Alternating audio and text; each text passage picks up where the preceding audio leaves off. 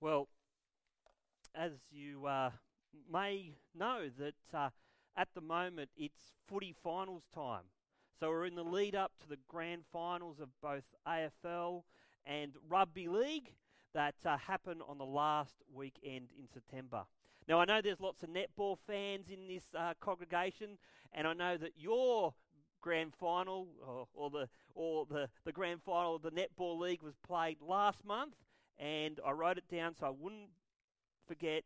The Sunshine Coast Lightning won it, right? Is that right? And no Sydney teams made the grand final. How sad, I know. But to make any grand final in any sporting code takes some luck, but it's usually the best teams in the competition that make it. And while some teams have individual stars, unless those stars play as part of one team, then it's unlikely that that particular team will make the finals. Now, I heard during the week that the main reason why the St George Dragons beat the favoured Brisbane Broncos last week in their final up in Brisbane was it was because a veteran forward named James Graham gave an inspirational speech the day before the match that basically said, if we work as a team, we can beat these Broncos. And what happened? Well, James Graham actually got injured very, very early on in the match. But yet at the end, the, the Dragons thrashed the Broncos. And all the Dragons players said when they'd been interviewed that the reason why we won is because of Graham's inspirational speech. He didn't even play most of the game. Yet that speech saying, we play as a team, we'll beat these guys, it worked. So netball, AFL, rugby league teams all have different positions, as we know, and different talents are required to play those positions. Well, the local church is similar. See, the local church contains people like you and people who have many gifts and talents. And the local church needs those people to use those gifts and talents. And when a church is using its spiritual gifts, or the people are using its spiritual gifts, united to build each other up, to reach the community around them, then I believe they are actually following God's plan for His church. But sadly, as we come to today's passage, over the years, spiritual gifts have actually divided churches. Now, it's not because God's word is vague. I think it's because the human heart is actually corrupted God's word to us about spiritual gifts. So, what's happened? Well, some churches have divided amongst different gifts. So there's a certain gift that everyone desires, and we're over that side. And those guys that just have that gift, that boring gift over there, will forget about them. There's a fight that, you know, which gift has continued on since Jesus' apostles were on earth, or which gift has ceased. Is there one person in the church that has lots of gifts that we should have him as our leader? Or is there a particular gift that everyone in the church needs? And if they don't have that, well, maybe they shouldn't be part of our church. Not surprisingly, the Corinthians church had these issues as well.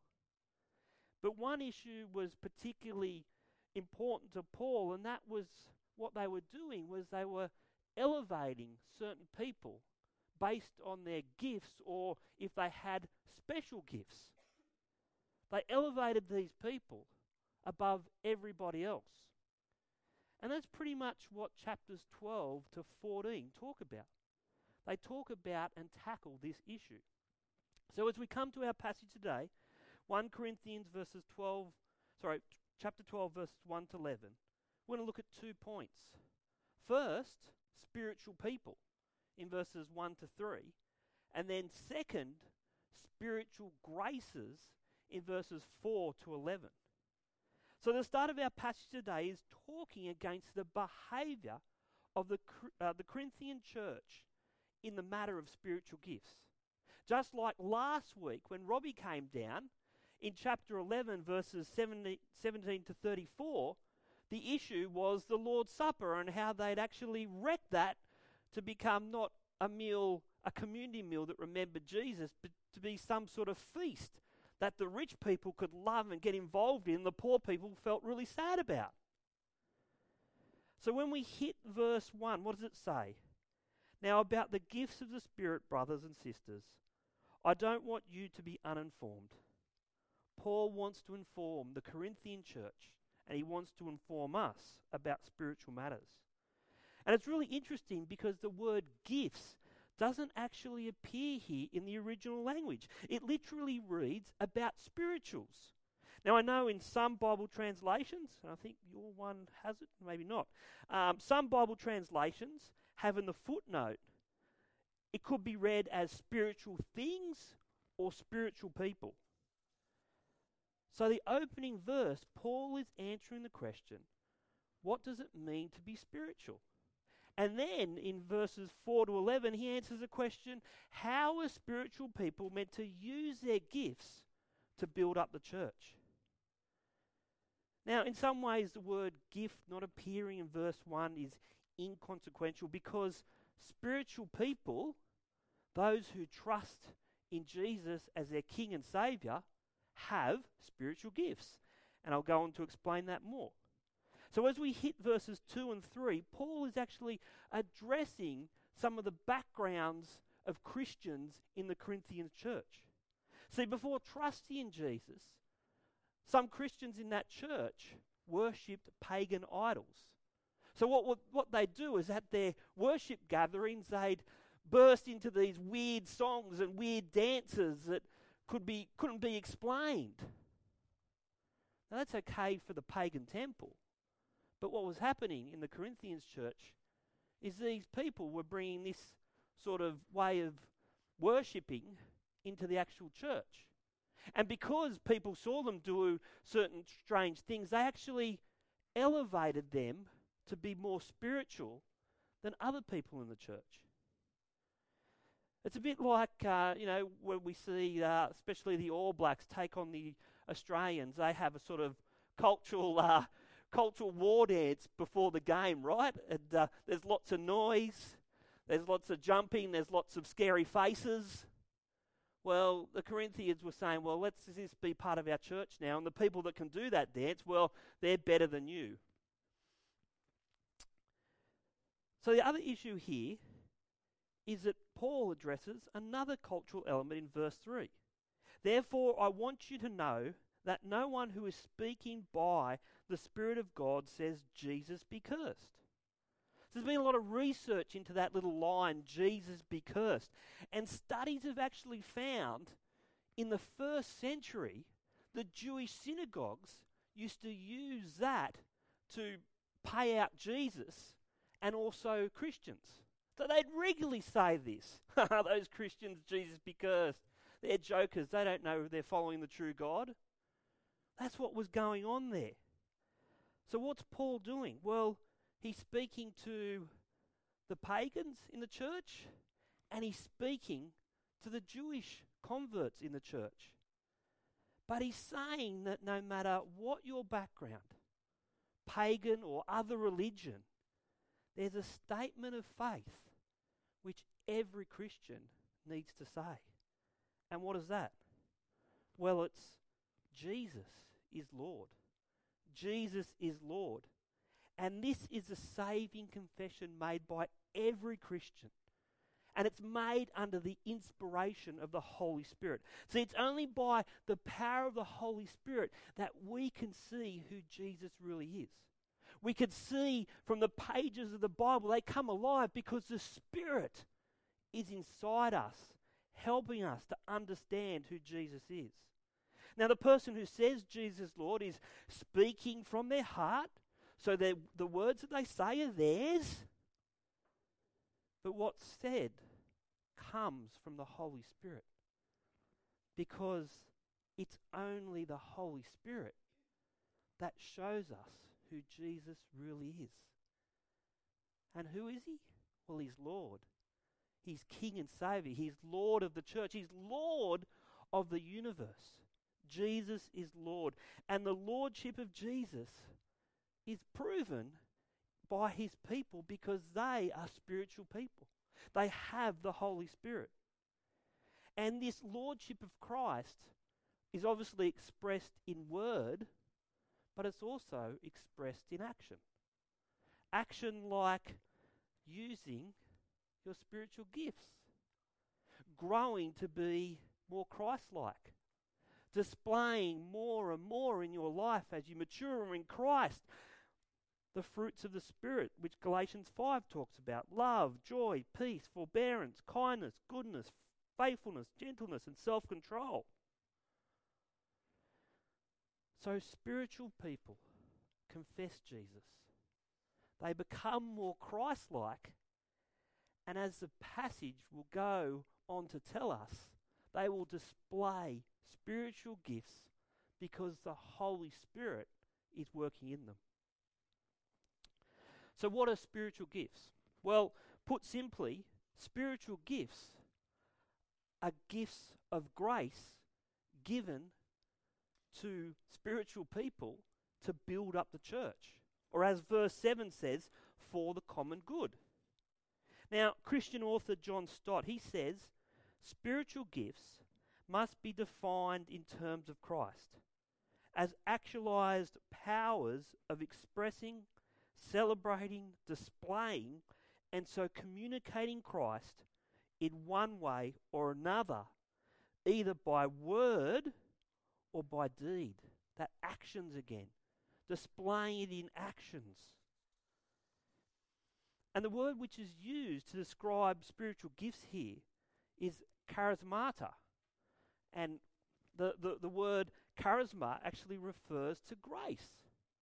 So spiritual gifts are God's gracious gift to us, those who trust in Jesus. And God freely and generously gives these gifts to his people. Now, different gifts are distributed to different individuals.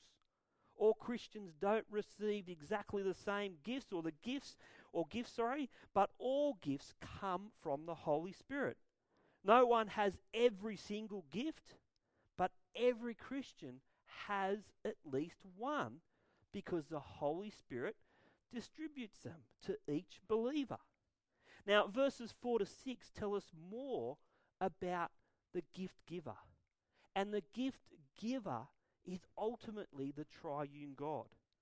So the Trinity, what's the Trinity? Well, lots of people probably know it here, but it's basically one God, one God in three persons. And each person has a role, each person supports the other, and they are united. So the three persons are God the Father, Jesus the Son, and the Holy Spirit. And they actually, if you look at the Bible, work together in lots of different ways. And one way is giving gifts. It says in the New Testament, doesn't it, that the the Holy Spirit proceeds from the Father and the Son. And together they equip us. So in 1 Corinthians 12, what does it say? Well, the Holy Spirit gives different gifts of graces. We use these gifts in different kinds of service under the lordship of Jesus, who is head of the church. And these different kinds of gifts and service are divinely empowered by God working through his people. So in verse 7, we're told that gifts are given to individuals so that they benefit others and the whole church. Now, to each one, the manifestation of the Spirit is given for the common good. So when it comes to spiritual gifts, there's no one upmanship. No one is better than the other person because they have a different gifts. Everyone is gifted. See, there's no star player. He can't tell the rest of the team to go jump in the lake because the star player is the Holy Spirit. And what does the Holy Spirit do? It distributes the gifts for the common good. to building up the church. Now, who here remembers Anthony Mundine? People remember Anthony Mundine. Now, he thought he was God's gift to Australian sport. First, rugby league, and then second, boxing. Now, this guy, I guess, can really only be described in some ways as arrogant. But recently, he's come back into the news because at age 43, he's going to make a boxing comeback to take on Jeff Horn. Now, Jeff Horn is the guy in 2007. He beat the Filipino champion boxer Manny. I can't say this word, but anyway, Carlos can. Macapao, uh, and he became the world welterweight champion. So our friend Anthony Mundine, he wants to have a go at Jeff Horn. Now, it's really possible that in the Corinthian church, that they had many Anthony Mundine type characters. Those who were using their spiritual gifts not to serve, but out of arrogance. Those who were honoring themselves rather than honoring God by using their spiritual gifts. So, as we come to verses 8 to 10, we are given a sample of gifts. Now, this isn't an exhaustive list because passages like 1 Corinthians 12, verse 28, if you could probably flick across the page, you can see that. Romans 12, 6 to 8, Ephesians 4, 11, 1 Peter 4, 11 also contain lists of gifts. Some gifts are repeated across all the lists, some aren't. There's no importance in the order across the list because they're ordered differently. Each gift, oh, sorry, each list contains an impressive mixture of natural and supernatural gifts. Actually, that terminology is a bit, bit cumbersome as well, and I'll explain that one later. But the other thing is that we should not expect that every gift has appeared in every church, in every generation. See, we might say that the gift of apostleship has actually gone because the apostles have left this earth and gone to heaven, and they have finished their job in writing God's word. So we have it here today, and we can understand what God wants us to do. But we also can't say because we don't see a certain gift that it doesn't exist. Let me give you an example. I became a Christian at uh, Blakehurst Baptist Church. And at the time, there was this fiery Irish preacher named John Farr. And John Farr sometimes would do exorcisms. Now, he wouldn't rock up on a Sunday and pull someone out of the crowd and do it up the front of church. No, he'd go around and do it in private in somebody's house. Now, just because I never saw John Farr perform this exorcism, use his spiritual gifts that we might call miraculous powers, it didn't mean it didn't exist, right?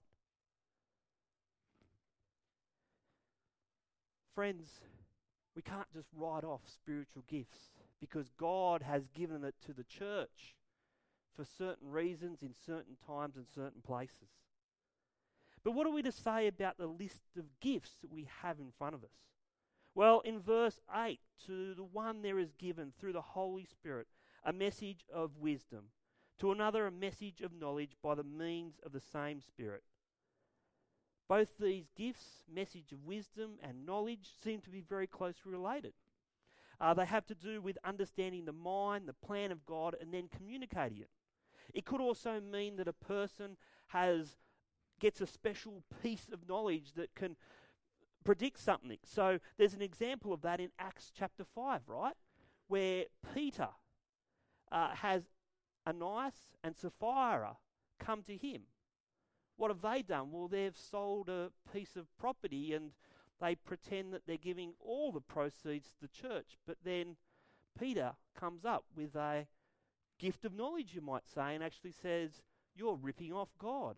You're lying. And then we know what else happens in that story.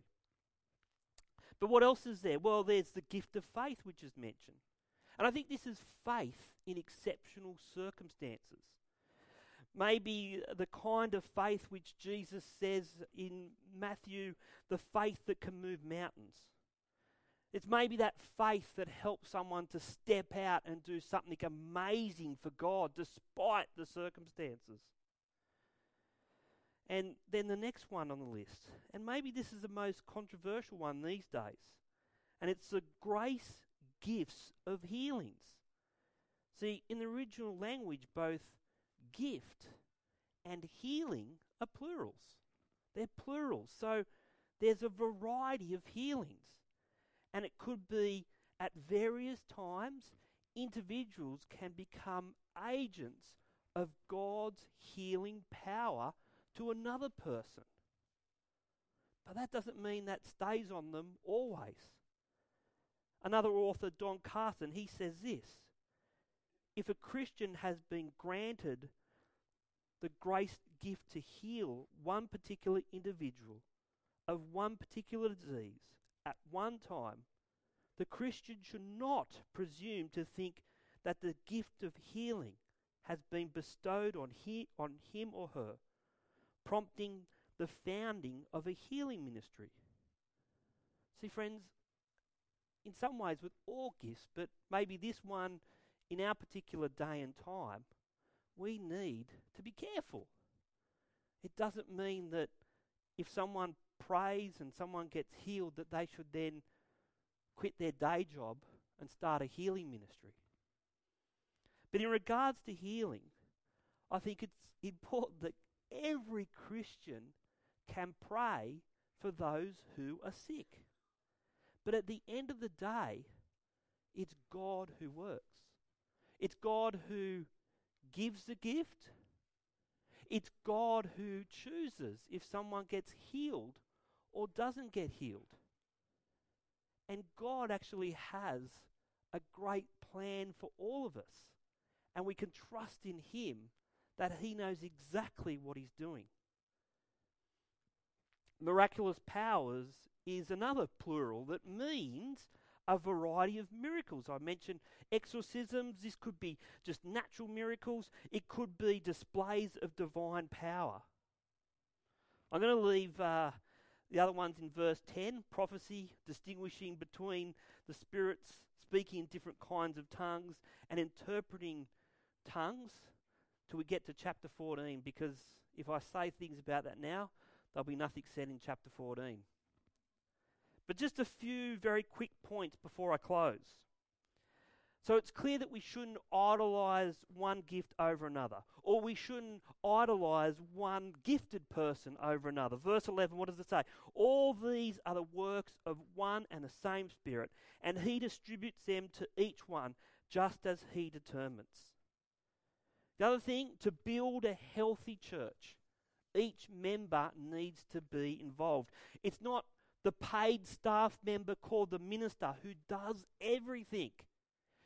Each person has a gift and they can use it to serve in the church. It's not natural versus supernatural gifts. See, friends, all are spiritual gifts when we use our natural gifts to glorify God and build up His people, then they are certainly spiritual gifts. See, a singer on the voice is just a singer. But a singer in church who is enabled by the Holy Spirit, who is leading people in God's in, in song words that express God's truth and builds up the congregation then they are using their spiritual gift of singing. They're using their natural talent. But because it's done to build people up, to edify people, to God's glory, then it's a spiritual gift. See, friends, if you confess Jesus is Lord, you are given gifts of grace that God wants you to use at Life Anglican Church. He wants you to use them to build others up. He wants you to use them to go out into the community and speak His name. He wants you to use them for the good of everyone. And by serving this way, you are bringing glory to God. Because it's not about your gift, it's not actually about you. It's about bringing glory to Jesus Christ. And you do that by honoring and serving Him and using your gifts for the common good. Friends, I'm going to have a practical element, but what I'm going to do now is I'll pray and we'll move on to something that I'd like you to do um, very soon. Father God, we thank you so much for all that you do. We thank you so much for your Son Jesus, and we thank you that when we trust in Him, we know that we are spiritual people. We have the Holy Spirit within us, the Holy Spirit that helps us with many things, the Holy Spirit that gives us spiritual gifts that we can use to build up your people here in Marsden Park and beyond.